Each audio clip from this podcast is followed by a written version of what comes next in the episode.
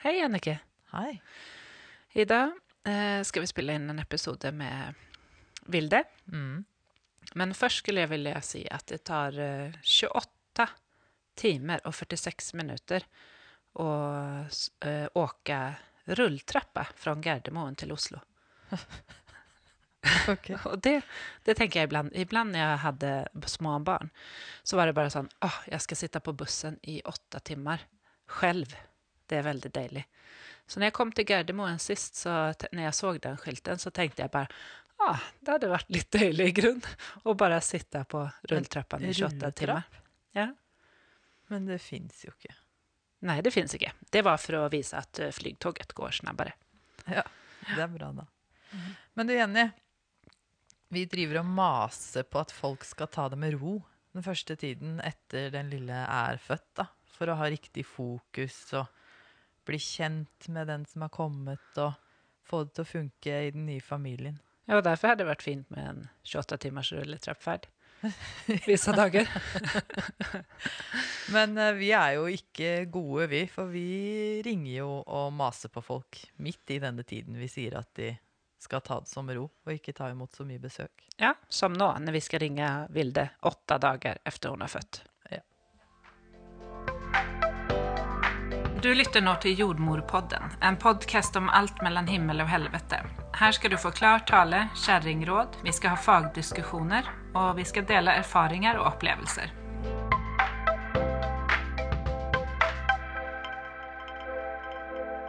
Vi er eh, tilbake. Ikke hos Vilde, og Vilde er ikke hos oss. For Vilde er på telefonen. Hun er på FaceTime, så vi ser henne sitte Ja, vi ser henne sitte. Og vi er jo så glade for at hun vil være med oss en episode til. Og det er jo faktisk den samme Vilde som var med oss i de første episodene vi noensinne hadde i Jordmorpodden. Helt i starten. Ja. Og de episodene, de har blitt lyttet til Mange ganger. mange ganger.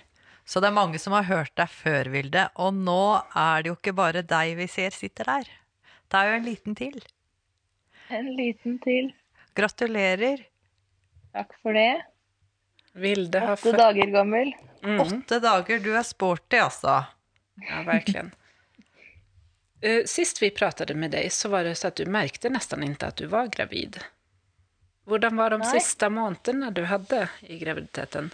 Var det likadant eller var det en fantastisk følelse hele hela tiden? Jeg vet ikke om jeg kan kalle det en fantastisk følelse hele tiden.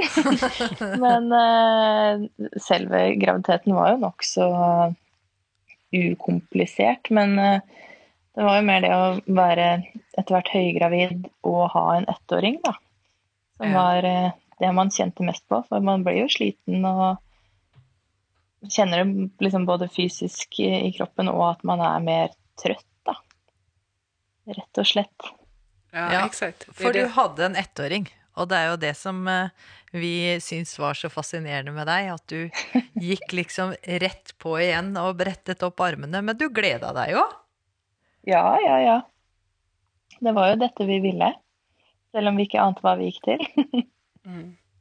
Men det er jo så klart at man er trøttere når man har en ettåring i tillegg til å være høygravid eller nå ha en baby. Er du gæren? Ja, det skulle jo, noe annet skulle jo være så rart at det ikke gikk å forstå.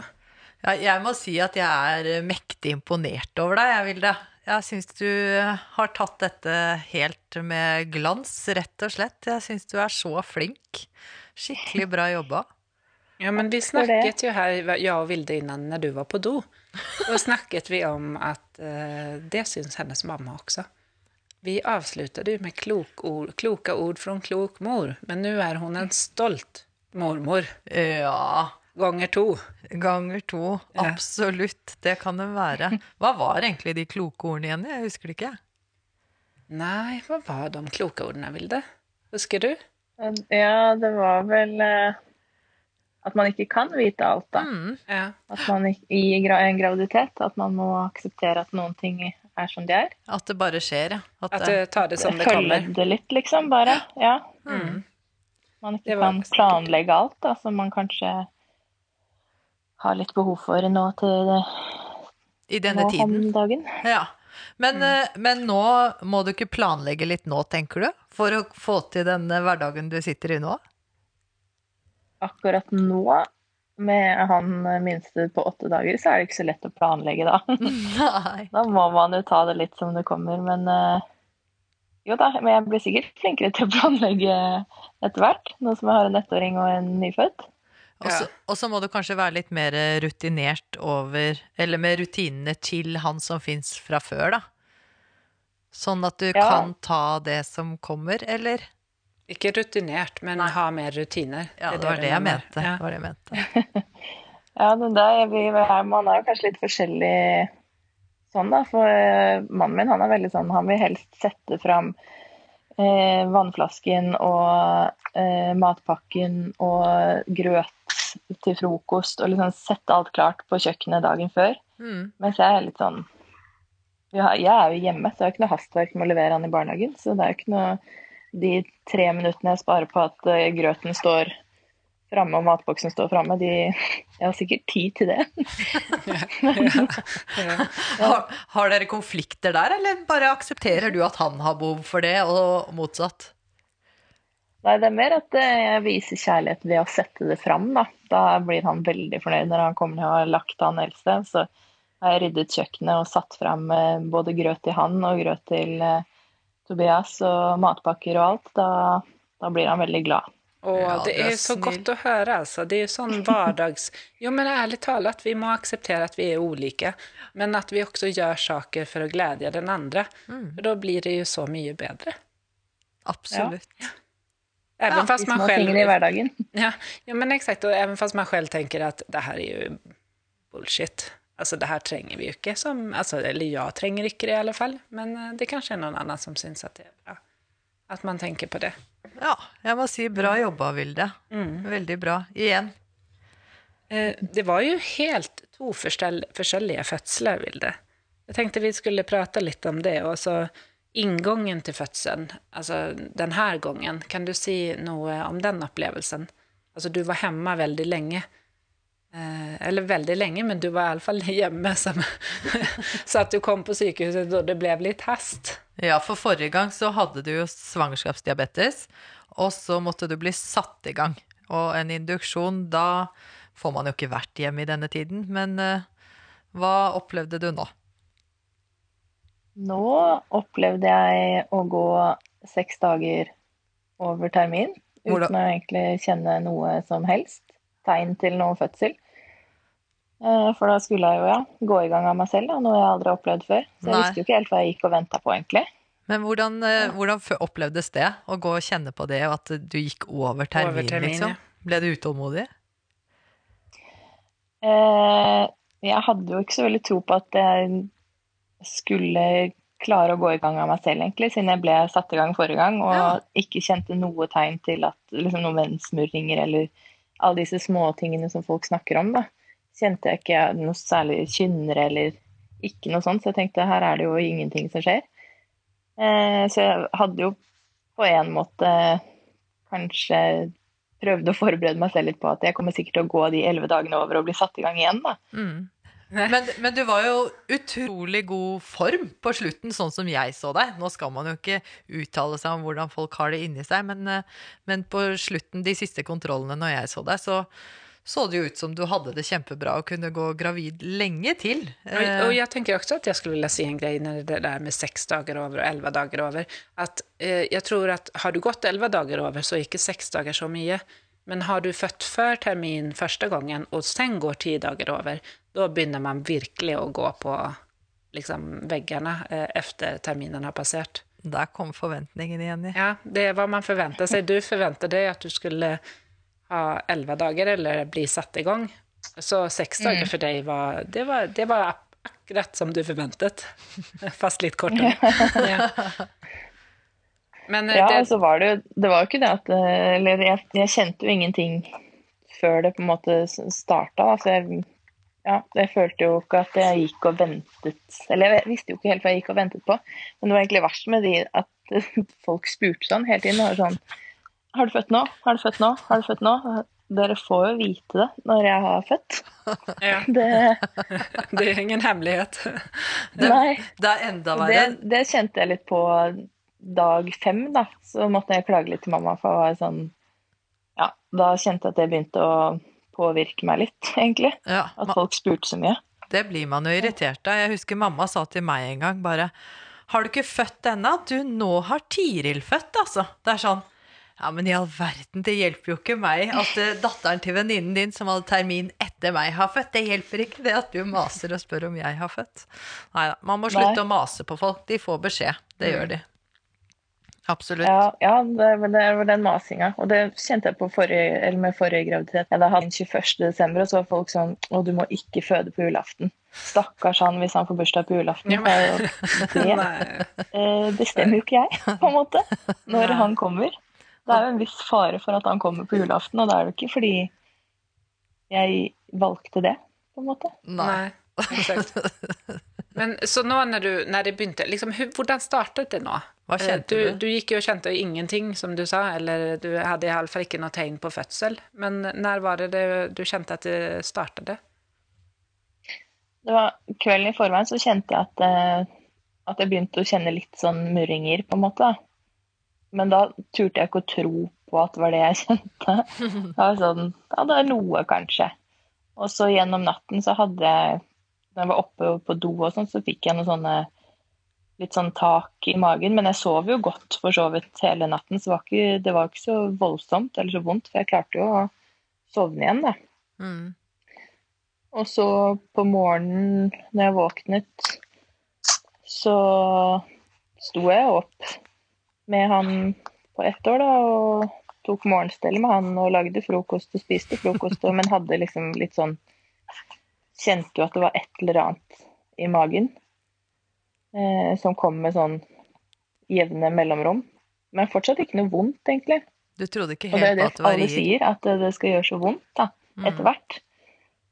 Eh, Men jeg ringte likevel mamma, fordi hun skulle jo ta seg av han eldste. Eh, Og så var det veldig dårlig vær akkurat den dagen. Så hun sa at hun ville komme i tilfelle det liksom ble noe mer. Da. Så var hun i hvert fall allerede hos oss og eh, kunne hente Tobias i barnehagen. Ja, det var trygt for deg å Og- vite, da. Ja, det var fint å ha en personlig jordmor eh, ja. Ja. hjemme. Det kanskje vi ikke har sagt før ut at din mamma er jordmor. Det er jo derfor hun er så klok, da. Alle jordmødre er kloke. Nei da. Alltså da kom hun i hus.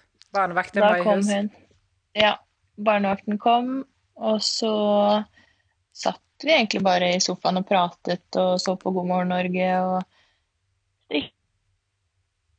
strikket og spiste litt lunsj og Men det hadde jo litt sånn tak i magen da, som kom med jevnere og jevnere mellomrom. Og så begynte mamma å telle. Eller liksom Hva heter det? Mål, Ja. ja. Ta, tellerier. ta Ja. tiden på de. Ja. Ja. Eh, og da varte de sånn 40-50 sekunder og kom med 3-5 minutters mellomrom, da. Ja. Men det gjorde, og da husker jeg spurte mamma sånn, når, når tenkte du at du måtte dra på sykehuset, eller når, hvordan vet man det? Hvordan vet man når man må dra på sykehuset? Og da sa mamma at hun dro på sykehuset når hun følte at hun trengte hjelp. Og så sa jeg ja, men det går jo helt fint. Jeg Mm. føler jo ikke at jeg trenger hjelp. For det var liksom, ja, det var ikke vondt, da. Nei. Eller ikke på den måten. Jeg hadde sett for meg at det skulle være som de heftigste rett før babyen kommer ut-rier, liksom. Mm. Ja, exakt. Og det er jo vanskelig å vite når man skal dra på sjukhuset. Vi sier jo ofte, eller på svangerskapskontroll eller på jordmorsamtale, at det skal liksom vara fem minuter mellom riene, og att eh, det skal være, hver ri skal vara cirka ett minutt. Og at, men også det viktigste, at det har vart i en time eller mer. Eller to. Eller ja. to. Ja, men exakt. At det har liksom ikke bare sånn ti minutter. Sen kan det bli annerledes etter bare 20 minutter igjen. Og så setter det igång. Altså, det er litt uregelmessig. Da. Så att det viktigste er at man har etablerte rier. At de faktisk med jevne mellomrom har kommet over en lengre tid. Mm. At det lager et slags mønster. Men det er veldig vanskelig. Men jeg syns det også var bra at eh, hun sa at når man kjenner at man trenger hjelp. Ja. Mm. Når man har lyst til eh, å ringe, når man føler for å dra inn, så ringer man, og så finner man ut om, om det er lurt eller ikke. Da. Ja. Og har man lyst, så skal man jo dra inn. Men ring først. Mm. Men det gjorde du. Du dro inn. Ja, Eller ringte. Ja. Du ringte og dro. mam- mamma ringte. Mamma Hun ringte. Ja. Så eh, dro vi inn. Og da eh, var det Eller for det også i begynnelsen så syns jeg at disse som jeg tenkte at kanskje var, var sånn modningsrier, da, at de var veldig sånn aktivitetsavhengige. Sånn, hvis jeg satt, så roet det seg litt. Hvis jeg gynget, så, så gikk det greiere. Hvis jeg gikk, så ble det mer. Og det var det som også gjorde at jeg tenkte at dette kanskje ikke var noe, da Mm. med en gang. Men så i bilen så var det jo Det var vondt å ha rier i bilen, syns jeg. Ja, det er Ja, det, ugreit. og det er mange som sier det også når han kommer. At bilturen er verst. Ja. Ja. ja, så da hadde du litt vondt. Ja, Ja. da måtte jeg jobbe ganske med meg selv liksom i, gjennom ria, da. Mm. Eh, og så var det dårlig vær, så det var litt sånn humpete, og så måtte man plutselig bremse. Det var ikke jeg som kjørte, altså. Men, eh, fordi det kom noen i veien, ikke sant. At det var litt sånn, ja, og det var glatt. Og, og da tenkte jeg bare åh, vær så snill, la meg komme fram. Mm. Og så er det jo korona, så man må jo gjennom den der eh, koronakøen. Du stilte Nei deg i den køen. Du gjorde ikke det. Jeg, det var ingen andre der. Jeg hadde nok eh, sagt ifra hvis det hadde vært lang kø, for å si det sånn. Ja. Men jeg sa til han, eh, han mannen, Securitas-vakten i bua, at jeg skal bare føde litt. og da var han veldig kjapp med å fylle ut det skjemaet, Ja. og slapp oss inn. Ja, begge to. Ja. Ja, det var bra. For det var så heftig at dere tenkte at nå Nå ville du ha med deg Christian også. Ja og så hadde han, bar han eh, bagen min. Og så pluss at det var liksom, riene var såpass tette at eh, ja, det var veldig kjekt å få følge opp, da. Ja, det er fint. Det, Og hva skjedde når du Da- kom opp? når vi kom opp, så eh, møtte, eller kom jordmor ut og sa at hun hadde forberedt fødestue. Så jeg ble jo tatt for så vidt rett inn der. Og så, eller så spurte hun om jeg måtte på do, så sa jeg jeg må veldig tisse. Og da ba hun meg om å ta med et sånn kopp for å ta en urinprøve, da. Nei, da det er så bra. Men det er det vi gjør. Vi tar jo urinprøve Ja. når vi kommer inn. Ja, hva skjedde da? Da fikk jeg en rie idet jeg skulle tisse, så jeg mista hele koppen i do. Og fikk ikke levert noe urinprøve. Eh, og da hadde mannen min gått ut og ned igjen, for han skulle eh, flytte bilen. Og så skulle hun, eh, jordmoren undersøke meg og se når han kunne komme tilbake, da. Og da sa hun at eh, her er det så å si full åpning, Vilde, så han mannen din må bare komme tilbake, for den babyen kommer nå. Oi. Og da begynte jeg å gråte. Ah, hvorfor gråt du da, tror du? Da tror jeg jeg fikk så sjokk for at det var eh, eh, At jeg var så rett før, liksom. Og så ble jeg litt eh, redd når hun sa 'den babyen kommer nå'. og så hadde Christian gått, så han var jo ikke der. Ja, det var bare veldig mye Det ble litt for mye for meg, tror jeg. Ja. Fordi hva tror du at du trodde at det skulle være for Hva hadde du forventet av beskjed, da? Jeg sa til Christian i bilen at eh, jeg håper i hvert fall at det kanskje er sånn fem centimeter, da. At hadde, for da hadde jeg fått beskjed noen dager før når jeg var på første sånn overtidskontroll, eller trivselskontroll som dere kaller det, mm. eh, at det var to centimeter. Ja, Så allerede. liksom, ja. Så at jeg hadde kanskje kommet til fem nå, da, at det hadde skjedd noe fremgang. Men når hun sa ja, ni og en halv, og den kommer nå, da, da ble jeg litt redd. ja, det skjønner jeg jo. Exakt, Jeg tenker på at det er, så, det er, så lett for andre som har lang fødsel, eh, och eh, säga att ja, men gud, så heldig du var så at det gikk så fort og greit. Og, altså, man har lett å tenke at det er den beste veien ut, da. speciellt om man har hatt noe langt selv. Men mentalt så kan det faktisk være vanskelig å ha en sånn skikkelig rask fødsel også. At man føler ikke at man får hodet riktig med seg, eller det blir litt sånn kaos presis innan. Mm. Hvordan opplevde du det? Ja, nei, det På en måte så var det jo Ja, at man ikke rekker helt å ta inn over seg hva som skal skje, da. Selv om man har jo hatt disse ni månedene å forberede seg på.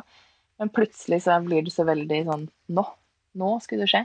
Forrige gang så ble vannet tatt, og så tok det to og en halv time, og så var han ute. Og da husker jeg liksom på et tidspunkt i midten der, så tenkte jeg liksom nå, nå blir jeg psykotisk, for det var så intenst da, med, med disse riene. Eh, mens denne gangen så fikk jeg jo da beskjed om at jeg hadde 9,5 cm, men så roa det seg liksom litt. Så alle rundt meg, som jeg følte jeg følte var fryktelig mange der, for det var noe to jordmødre og to barnepleiere og en student eller et eller jeg vet ikke. Det føltes veldig mange i hvert fall. da. Ja. Men alle sto liksom bare med henda i været og var klare Med til på? ta imot dette barnet da, som skulle komme så fryktelig fort. Og jeg kjente ikke noe Da hadde riene lagt seg, på en måte. Ja, men jeg jeg tenker sånn Tenk, tenk om det var sånn at natur, ja, men, men naturen kanskje gjorde det sånn at Christian ikke var der, Mm. og da Ja. fikk du rivpause. For Mm. at eh, man også blir kanskje redd eller overraska, og da får man adrenalin i kroppen, og at man da får en pause. Mm. Det kan hende. Ja, når tok det seg opp igjen da? Var det når du så Christian? eh, Ja, eller han, han kom jeg husker, Det husker jeg ikke helt liksom, når det tok seg opp, men det, vi hadde jo ikke, det tok jo en halvtime alt i alt uansett, på en måte. Så han kom jo relativt fort, kanskje etter ti minutter eller noe sånt nå. Ja. Men så hadde jo vi også egentlig en eh, avtale med at hun som tok imot Tobias, skulle ta imot denne gangen også. ja. Så jeg måtte jo vente litt på hun òg, da. Du hadde to stykker å vente på, du Vilde. ja. Klarte Så når du det? hun, eh, denne eh, andre jordmoren kom inn, da Jeg tror hun kom syv minutter før han var ute, eller noe sånt. Nå. Ikke sant? Så hun rakk det akkurat da. Men da, det som var så veldig rart denne gangen, var at eh, vannet mitt gikk aldri, skulle jeg si. Eller det gjorde jo det, men ikke før etter jeg hadde begynt å presse. Nei, Det var veldig annerledes. Det skjønner jeg. og liksom at For det forrige gang så startet jo på en måte alt med at vannet ble tatt. Da. Mm.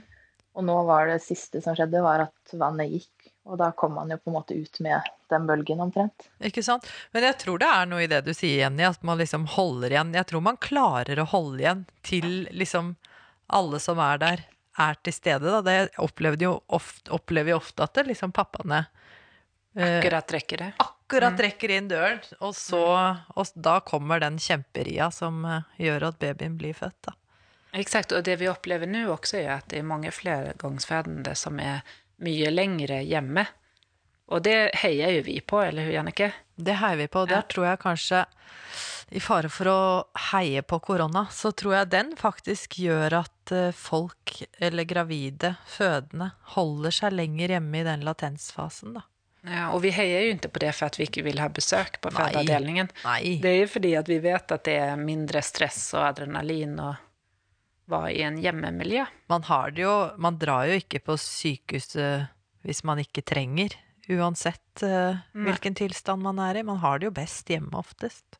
Hvis man er trygg, da. Mm. Så det er mange som kommer og føder bare sånn som eh, Vilde gjorde. Ja, men jeg synes Ikke riktig sånn som Vilde gjorde, men eh, at de er mye mer eh, i, i gang da, mm. når de kommer. Men hva sitter du igjen med, Vilde, hvis du sammenligner forrige fødselsopplevelse og denne fødselsopplevelsen? Det er jo veldig tett opp mot den her fødselen, syns jeg, da, å snakke om det. Men uh, har du noe, noe inntrykk? Ja, altså, eller denne gangen så var jeg mer med, fordi jeg var mer liksom, bevisst alt som skjedde rundt meg. da. Mm. Forrige gang så lukket jeg meg nok mer inne fordi eh, riene ble så intense etter at vannet ble tatt. Ja. Mens nå rakk jeg ikke å ha rier så lenge. Nei. Så da fikk jeg jo på en måte mer med meg det som skjedde rundt. da. Jeg Ja. så faktisk når babyen liksom kom ut og Ja. Var det en bra ting? Ja. Jeg syns det var veldig gøy. Ja. Ja, ikke sant? Mm. Det er jo fascinerende. Da var det hun jordmoren som sa nå må du åpne underhullet, nå må du se. Og det er jeg glad for at hun gjorde. Ja, Mm. det får vi huske på, Jenny. Og dere som hører, hører på, må huske at dere må prøve å åpne øynene, men vi skal minne dere på det. Ja, men vi prøver å gjøre det og spørre om de vil ta på hodet eller om de vil se og sånn. Mm. Men jeg tror også at det kan være litt, eh, litt skremmende for de eh, partnerne som står på siden og se. En del i alle fall, de er sånn Oh my god, jeg ser huvudet, jeg ser huvudet. Og det er jo en motivator ofte for Jo, den som er ligger og trykker. sånn- Jeg tror at det kan se litt uh, Ja, det ser jo, det ser jo veldig leskete ut, da. Altså, ikke, jeg vet ikke Er lesket et positivt ord? Nei, men det er jo det. Men Ekkelt, altså, ek, eller? Ikke ekkelt er det jo ikke, men uh, det kan jo gjøre et inntrykk, da. Når Ja. man ser hodet kommer ut den veien. Det er jo spesielt fascinerende, det må jeg si. Absolutt. Fascinerende. Ja. Eh, Jag vet ju att, jeg jag mötte ju dig på barsel. Det var väldigt mörkt i rummet när vi, när vi sågs där. Men hur Ja. har barseltiden vært nå?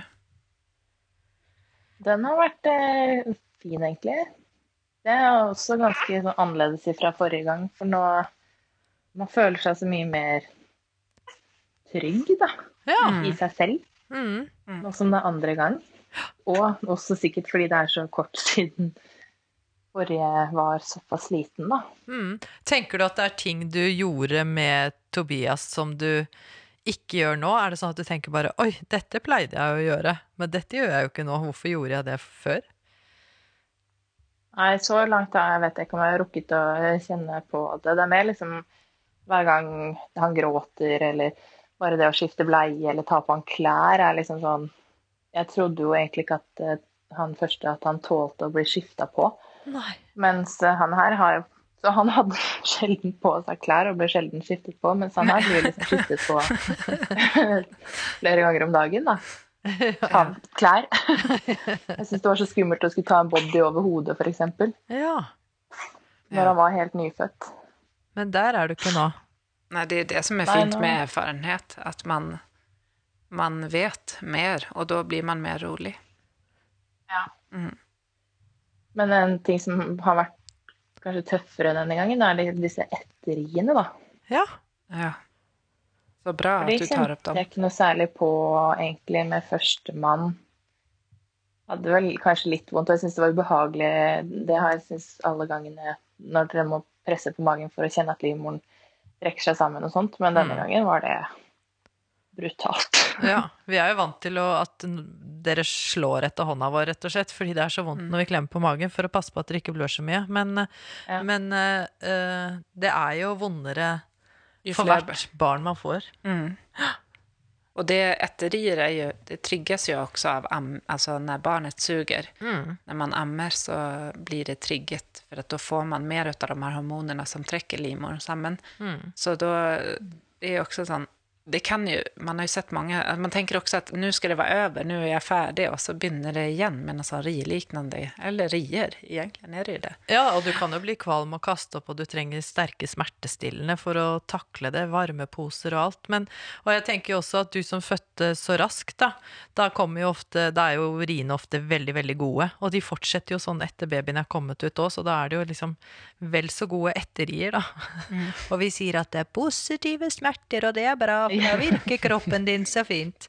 Men jeg hørte en historie om en som eller det var ikke en historie engang. Hun sa det til meg at hun hadde våknet opp på, på barsel. Og, og da hadde hun bare Men hun skjønte ikke hvor hun var. Hun hadde så vondt i magen og liksom røsket i mannen sin som lå i dobbeltsenga de hadde. Bare nå, nå må vi dra på sykehuset, vi må dra nå! Og han bare eh, Se ved siden av deg, der ligger babyen, liksom. Du er ferdig nå. Ja. Så så ille kan det jo være. Exakt, At man kjenner at det kommer en till. Ja, men det tror jeg, sa jeg ikke det til deg, Jenny, når du kom innom den Ja, du var like natta? Sånn at jeg hadde liksom tenkt sånn, fy fader, er det en til inni der? Ja. Som vi ikke visste om. Det Det kjentes sånn ut at det begynte på nytt, og så varte det så lenge. Det var riene i forkant av fødsel er liksom at de er rundt et minutt, da, så får man den lille pausen man får. Men de der etterriene, da de følte jeg kunne vare lenger. Ja, Men de det var kanskje liksom bare en Nej, de tar nog ofte lite mer tak, Altså at eller de varer kanskje litt lengre. Det gjør de. også. Og så kommer jeg med at man forventer de jo ikke, ikke sant? Og så tjener de jo Vi mener jo at de tjener til noe godt, fordi livmoren trekker seg sammen og man blør ikke så mye. Men, men eh, når du har rier før fødselen, så er du i hvert fall på vei til å få et barn, da. Så det gir litt mer mening. Ja. Men hvordan Og så er man jo litt sånn lei av å ha vondt etter man har født. Ja, rett og slett. det så skal det. fortsette. Ja, Ja. helt Men det er det som er bra Og det då när man har sterke etterier, så må man spørre om smertestillende, for det fins jo faktisk hjelp å få. Eh, Det pleier å bli bra, eller bli bedre i alle fall, Ja, og så. Og så kan du vel skrive under på at det er rett og slett de første én til to dagene som er vonde, og det er vondere når man ammer, fordi da, da skiller du ut dette oksytocinet. Mm. Ja, det gir seg jo. Det blir jo bedre. Ja. Absolutt. Du har ikke sittet og grått når du har ammet mens vi har snakket med deg nå, har vi sett. Det kan være du har gjort det inni deg. Nei da, jeg kjenner ikke noe til det nå. Men hvordan har ammingen gått da? Hva sa du nå? Hvordan har ammingen gått denne gangen? Har det vært noen forskjell? Eh, Det har gått veldig mye bedre, egentlig. Mm. For for første gang så ble jeg så utrolig sår. Mm. Eh, Og da, da slet jeg med det Eller jeg husker sånn ganske på dagen at uh, når han var fire uker, da ga det seg, den sårheten. Ja. Og da begynte liksom ammingen å gå bra. Men da var det Da satt jeg liksom og gruet meg til hvert måltid. og sånn at Jeg syntes det var så utrolig vondt akkurat i det i den utdrivningsfasen. da, Akkurat i det melka kom, liksom. Mm. Og knep jeg alt jeg hadde. Eh, og ja, det var liksom sår og blod og skorper som løsnet og Men denne gangen så har jeg ikke vært sår eh, foreløpig i det hele tatt, og det er veldig, veldig deilig. Ja, Det det er kanskje fordi det er så kort tid siden. Det er jo bare Det er ikke så lenge siden jeg sluttet å amme han andre. Nei, for hvor lenge ammet du han? Ute i graviditeten din nå, liksom? Eh, jeg ammet han et stykke ut i graviditeten. Ja, jeg vet ikke hvor langt jeg var på vei. Fem måneder eller noe, kanskje? Ja. Når jeg slutta. Ja. Så det kan jo ha med det å gjøre, men det kan jo også være at det er et nytt barn, en ny munn, Ja. ny, ny melkeproduksjon. ja, og erfarenhet der igjen. Ja. Altså at man holder dem tett, og at man eh, passer på sugetaket. Eh, Men har du haft noen hjelpemiddel med ammingen denne gangen? Noe hjelp? Ja, eller noen sånne hjelpemidler som du har brukt? Vi har jo, Jeg, vi har jo en sponsor, Det har vi. Naturebond. ja. Ja, prøvde, du prøvde jo å gi Vilde en gave. Jeg hadde med fødselsgave til deg, jeg Vilde. Det så du jo. En Naturebond silikonpumpe. Men jeg måtte ta den med hjem igjen, for du hadde en allerede. Den har jeg, vet du. Og hvordan, eh, hva har skjedd når du har brukt den? Har du brukt den? Jeg har brukt den. Det har jeg, for jeg hadde veldig sånn eh, spreng i de, en av de første dagene etter vi kom hjem fra mm. sykehuset. Da hadde jeg, fikk veldig fort mye melk, så da måtte jeg på med silikon-vakuumpumpa Mm. på den ene puppen, mens eh, han lille fikk fra den andre, og jaggu fikk jeg ikke ut 180 milliliter. Det er helt, det er helt sinnet. Ja, det er helt sinnssykt. Veldig bra. Ja. Den er jo veldig bra å bruke den pumpen om man er, har eh, mye spreng. For, eh, også fordi iblant så kan det være så mye spreng at ikke barnet får tak. Mm. Og da kan man sette på den før man ammer i det hele tatt, bare for å få litt uh, lettere, eller litt mykere bryst, da, for å få barnet til å få lettere tak. Så den kan brukes på mange ulike sett. Vi syns at uh, silikonpumpen fra Naturebond er skikkelig bra. Mm. Så bra. Men du Vilde, jeg fikk jo ikke Første gang så fikk jeg ikke komme til deg på, på sånn barselbesøk. Jeg vet ikke hvorfor. Kanskje jeg ikke hadde informert deg ordentlig, eller om det var jo midt i jula. Kanskje det var det det var. Jeg tror det var det at det var midt i juli. Ja, selv om det burde jo ikke jeg ha brydd meg noen ting om. Men, eh, men eh, nå har jeg vært så heldig at jeg fikk komme på, på barselbesøk til deg og den lille, og da var jo han eldste i barnehagen, og pappaen var ute og trente, og du var så rolig, og det var som om ingenting hadde skjedd hos dere nesten. Hvordan var det å ha Jannicke på besøk? Det lurer jeg på. Skal du spørre om det? Det skal jeg. Det var veldig koselig å få Jannicke på besøk. Det var det. Det, er liksom man, man har jo litt behov for å snakke om fødselen sin, den rett etter man har vært igjennom den. Og jeg tror det, det er jo Man får veldig sånn eierskap til, til historien sin, da. Syns det er litt sånn stas å dele den. Og da er det hyggelig å dele med noen som man vet har en interesse for det, da. Ja. Og som stiller gode spørsmål, så man også får liksom bearbeidet den, kanskje. Mm. Mm. Jeg tror det er veldig fint å få snakket. Jeg tror alle har behov for det. Selv om det har gått fint, altså, så er det viktig å få prate med noen. Og Jannike kan jo gi litt feedback, som sagt. Jeg kan gi litt feedback, jeg. Men, men eh, det, jeg syns jo som jordmor eh, at det er veldig hyggelig å liksom få den eh, avrundingen på en oppfølging i svangerskapet, da. Ikke sant? At man får faktisk se resultatet og se eh, Og jeg kan jo da som jordmor så kan du jo da lettere vite om hva du var bekymret på forhånd, og spørre om hvordan du opplevde det underveis i fødsel og sånne ting. Ja, det tenker jeg er skikkelig Ja. fint, at man blir fulgt i svangerskapet, og så får man faktisk besøk av den samme jordmoren som man er kjent med. Ja, vi tilstreber jo i hvert fall det. da. Ja, eksakt. Det er- Det er ikke alle som kan få det, men uh, vi oppfordrer jo alle å spørre om det, Ja. Å få barselbesøk. Absolutt. Og det er jo ikke noe krav i landet i retningslinjene på at man skal få barselbesøk av en jordmor etter hjemreise fra, eh, fra sykehuset. Men, eh, men som Jenny sier, altså spør etter barselbesøk der dere går på kontroll. Og så har de fleste kommunene det. Og der hvor jeg jobber, så, så får alle som ønsker det, eh, barselbesøk av jordmor. Jeg tror kanskje jeg misforsto litt forrige gang også, at eh, om jeg skulle ringe eh, den lokale helsestasjonen som skulle følge barnet opp på en måte videre, da, eller om jeg skulle ringe svangerskapskontrollen.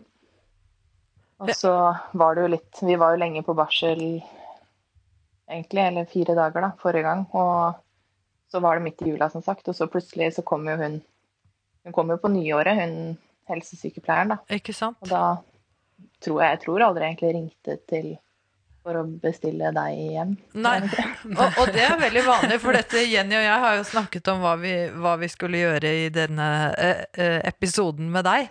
Eh, og Jenny, selv Jenny er jo forvirret over barselbesøk og hjemmebesøk, som vi kaller det. Eh, Så man skjønner jo at de som eh, har født, er eh, forvirret. Fordi et barselbesøk blir jo utført av en jordmor én til to dager etter hjemreise fra sykehuset ofte. Og så kommer helsesykepleier, som man da aldri har uh, møtt før, hvis det ikke er noe spesielt i, i starten av svangerskapet, eller i svangerskapet, da, som man trenger ekstra oppfølging. Hun kommer da etter at jordmor har vært på barselbesøk. Syv til ti dager er det vel, Ikke sant? cirka. ja. Uh, og den beskjeden man får på barsel, er jo å ringe til helsestasjonen der helsesykepleier jobber, og så er det vi jordmødrene ute i svangerskapsomsorgen som må informere om at dere må ringe til oss da, hvis dere ønsker besøk av en eh, jordmor. Men jordmorbesøk, barselbesøk, er frivillig, og hjemmebesøk, det får jo alle eh, av en helsesykepleier. Mm. Det får de. Men syns du det var nyttig å ha begge besøkene? Ja. Ja. For det er vel sånn at jordmor skal ha liksom litt mer fokus på mor, og helsesykepleien tar da, som Vilde sa, barnet, Ja. litt mer fokus. Vi er jo litt Ja. mer på sånn å snakke om fødsel, som du sa, Vilde, og så spør vi jo mye om rifter man har fått, og blødning, og snakke om etterrier, og kjenne på mage hvis man vil, og uh, ja, litt mer av den eh, fysiske formen til mor, da, og psykiske. Mm. Men der er jo også helsesykepleier. Men vi har jo heldigvis, vi får jo også være med på den der å ha med vekten og veie babyen og se, fordi det er jo, jeg vet ikke, kan du skrive under på det, at man er veldig opptatt av hvor mye har babyen gått opp nå de første dagene fra jeg kom fra sykehuset? ja, det syns jeg er kjempegøy å veie. Ja. Alltid. Det syns jeg jo fortsatt med han som snart skal på 15 måneders kontroll også. Synes jeg er kjempegøy å se hvor stor han er blitt i, fra forrige gang, da. ja. Jeg lurer, Så- ja.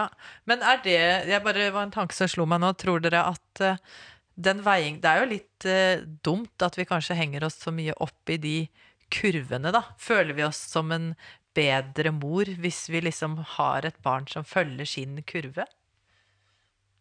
Ja. Jeg vet ikke, jeg tror, altså jeg tror det er bare den der, instinkten som ligger i oss, at vi vil gi mat til våre barn. Altså, for det trenger de. Annars så går det jo ikke bra.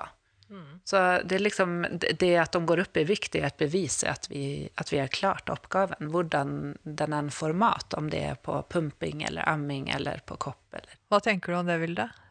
Hvorfor tror du du er så opptatt av den vekten på 15 måneders kontroll òg, liksom? Ja, det tror jeg bare Jeg syns det er gøy å se at han vokser, da. At, eh, ja, at det går At man får bekreftet at han ja, vokser som han skal, og at det ser ut som han får i seg det han trenger. Og... Mm. Så jeg vet ikke hvordan det er å ha et barn som ikke legger på seg nok, eller hvor det liksom blir bekymring rundt, eh, rundt det. Da. Det, Ja. det må jo være veldig stressende å se på meg. Ja. Men uh, det er jo gøy, veldig gøy å ja, få bekreftet at det Mm. kommer noe inn. ja. Exakt, Og det er det som er. Alltså, och visst, visst det er sånn på barsel så er det jo ofte som barnet barnen har gått med, ned mer enn 10 når när man skal dra hjem. Da må man kanskje bli en dag eller to extra på barsel, bare Ja. for å se at den snur. Men alle babyer, alle barn går ned i, når de de født. Ja. Så, men din baby, den har tatt igjen fødselsvekten og Vel så det. Vel så det. nu ligger Han han helt i melkekoma. Julemiddag hver dag fikk jeg beskjed om. Og barsel. Men sover han, greit, da? Ja, han sover veldig godt. Mm. Han gjør det. Foreløpig. Eh, Det er jo en del som bruker den eh, gravideputen til Bibi Hagmi som sånn babynest mm. också. Har du hatt noen ut av Bibi Hagmi sine sina produkter? Jeg har den, eh, den største det er en sånn amme- og gravidepute. Ja, den pølsa. Pølsa? Ja. Klarer du å bruke den nå, eller? Jeg bruker den fortsatt til å ha mellom bena og sove på, sånn som jeg gjorde da jeg var gravid. Ja. Så man Ja. blir ikke kvitt den helt selv om man er kvitt magen. Da kan man fortsatt bruke den. Og så kan man jo, man kan jo bruke den til ammepute også, Men så har de en eh, egen eh, amme som er bare ammepute også, da. Men eh, vi syns at de er fine produkter fra Bibi Hug Me. Har du noe du vil si til de som hører på i dag, som får et barn rett etter de har fått et barn? Nei, hva vil jeg si til de? Det er vel eh, bare Eller det jeg kjenner på, i hvert fall, er at jeg kanskje klarer å, å nyte det mer. Altså, nå er det jo, han er åtte dager gammel, så det er jo begrensa hvor langt vi har kommet i løpet her nå. Men eh, siden man føler seg så, såpass mye tryggere da, når det er nummer to, og det er så kort siden sist, så, så er det jo mye lettere å bare kose seg med denne lille babyen, da. Ja. Det er jeg også veldig glad for at du sier. for at det også, också, kan også være tvärtom, at man kjenner at den andre barseltiden er mye vanskeligere fordi at man har mindre tid og man har en annen å passe på og sånn. Men man må også ta med det som Vilde sier nå, at man, att man faktisk kan kose seg med for at man er mer trygg. Det är ju många, väldigt många som bekymrar sig mye i första barnet. Ja. Men du har ikke vært hjemme hos Vilde og bare opplevd den roen som hun har hjemme Jeg hos seg ser, selv? På, jag ser henne på grunn av henne. Du har en enorm evne til å bare favne den roen, så det skal du ha, altså. Det er ikke alle som kan klare det på den måten, men eh, et mål, eller du er et bra forbilde, da. Mm. Det var hyggelig sagt. Kan jeg spørre om eh, hvordan eh, han pappaen her syns at de to forskjellige fødslene var? Var den med snømåking i forkant mer stressende nå enn den første hvor han hadde litt tid og du ble satt i gang?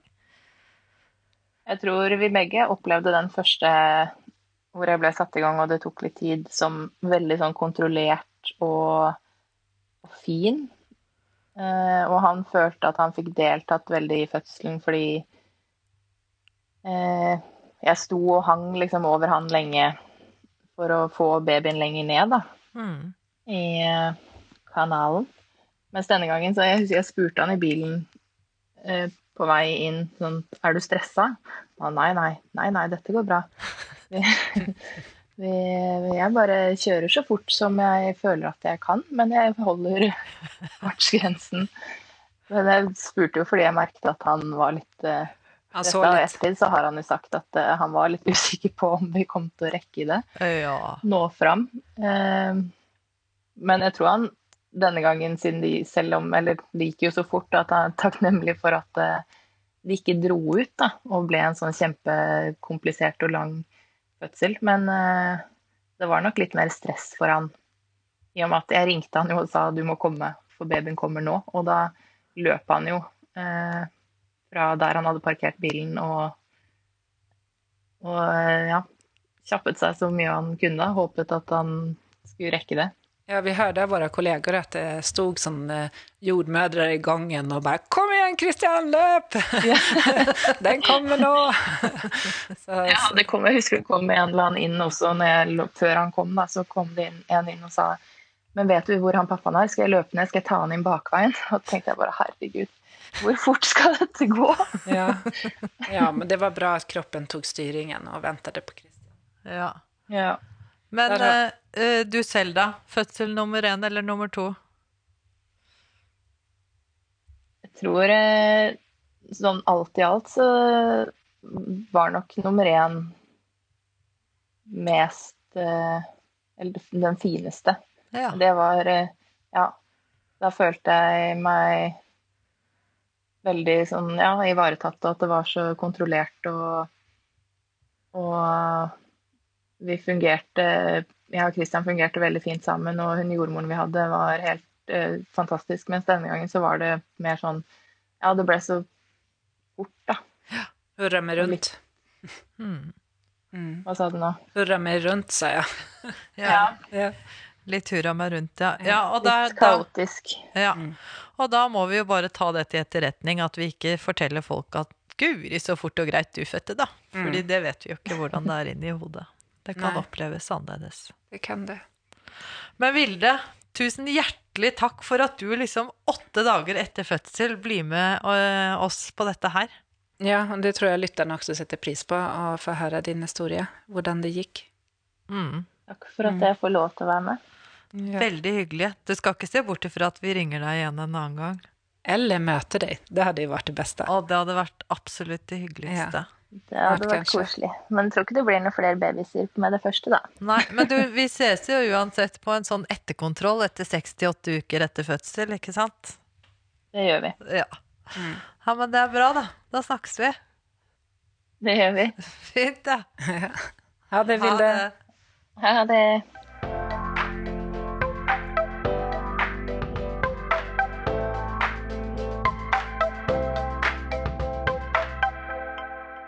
Jeg tycker vi ska ta med oss fra från det Ville forteller at alle opplever sin fødsel forskjellig, og at samme person kan oppleve også sine fødsler forskjellig. Mm.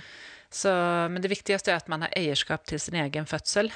Ja, og det at man ikke skal eh, tillegge andre opplevelse av sin fødsel, da. Eller altså Mm. av deres fødsel. Sånn at jeg kan ikke si til noen Å, dette her gikk jo på to timer. Det gikk jo kjempefort og greit. Det ser jo kjempefint ut. Noen Mm. opplever det sikkert kjempefort og greit, mens andre opplever det som et kjempekaos. Ja, eksakt. At det gikk for fort, og at de ikke de hadde hodet med seg, og Ja. det ble mye folk og sånn. Ja, men det Men- viktige er jo da at man får snakket om den fødselen. Mm. Og første gangen man får snakket om den, man får jo ofte tilbud om det på sykehuset når man er på barsel. Det burde man få. Og kjenner man at man har behov for å snakke om fødselen sin og ikke bli spurt om det på sykehuset, så ring i snora og spør om å snakke om fødselen. Ja.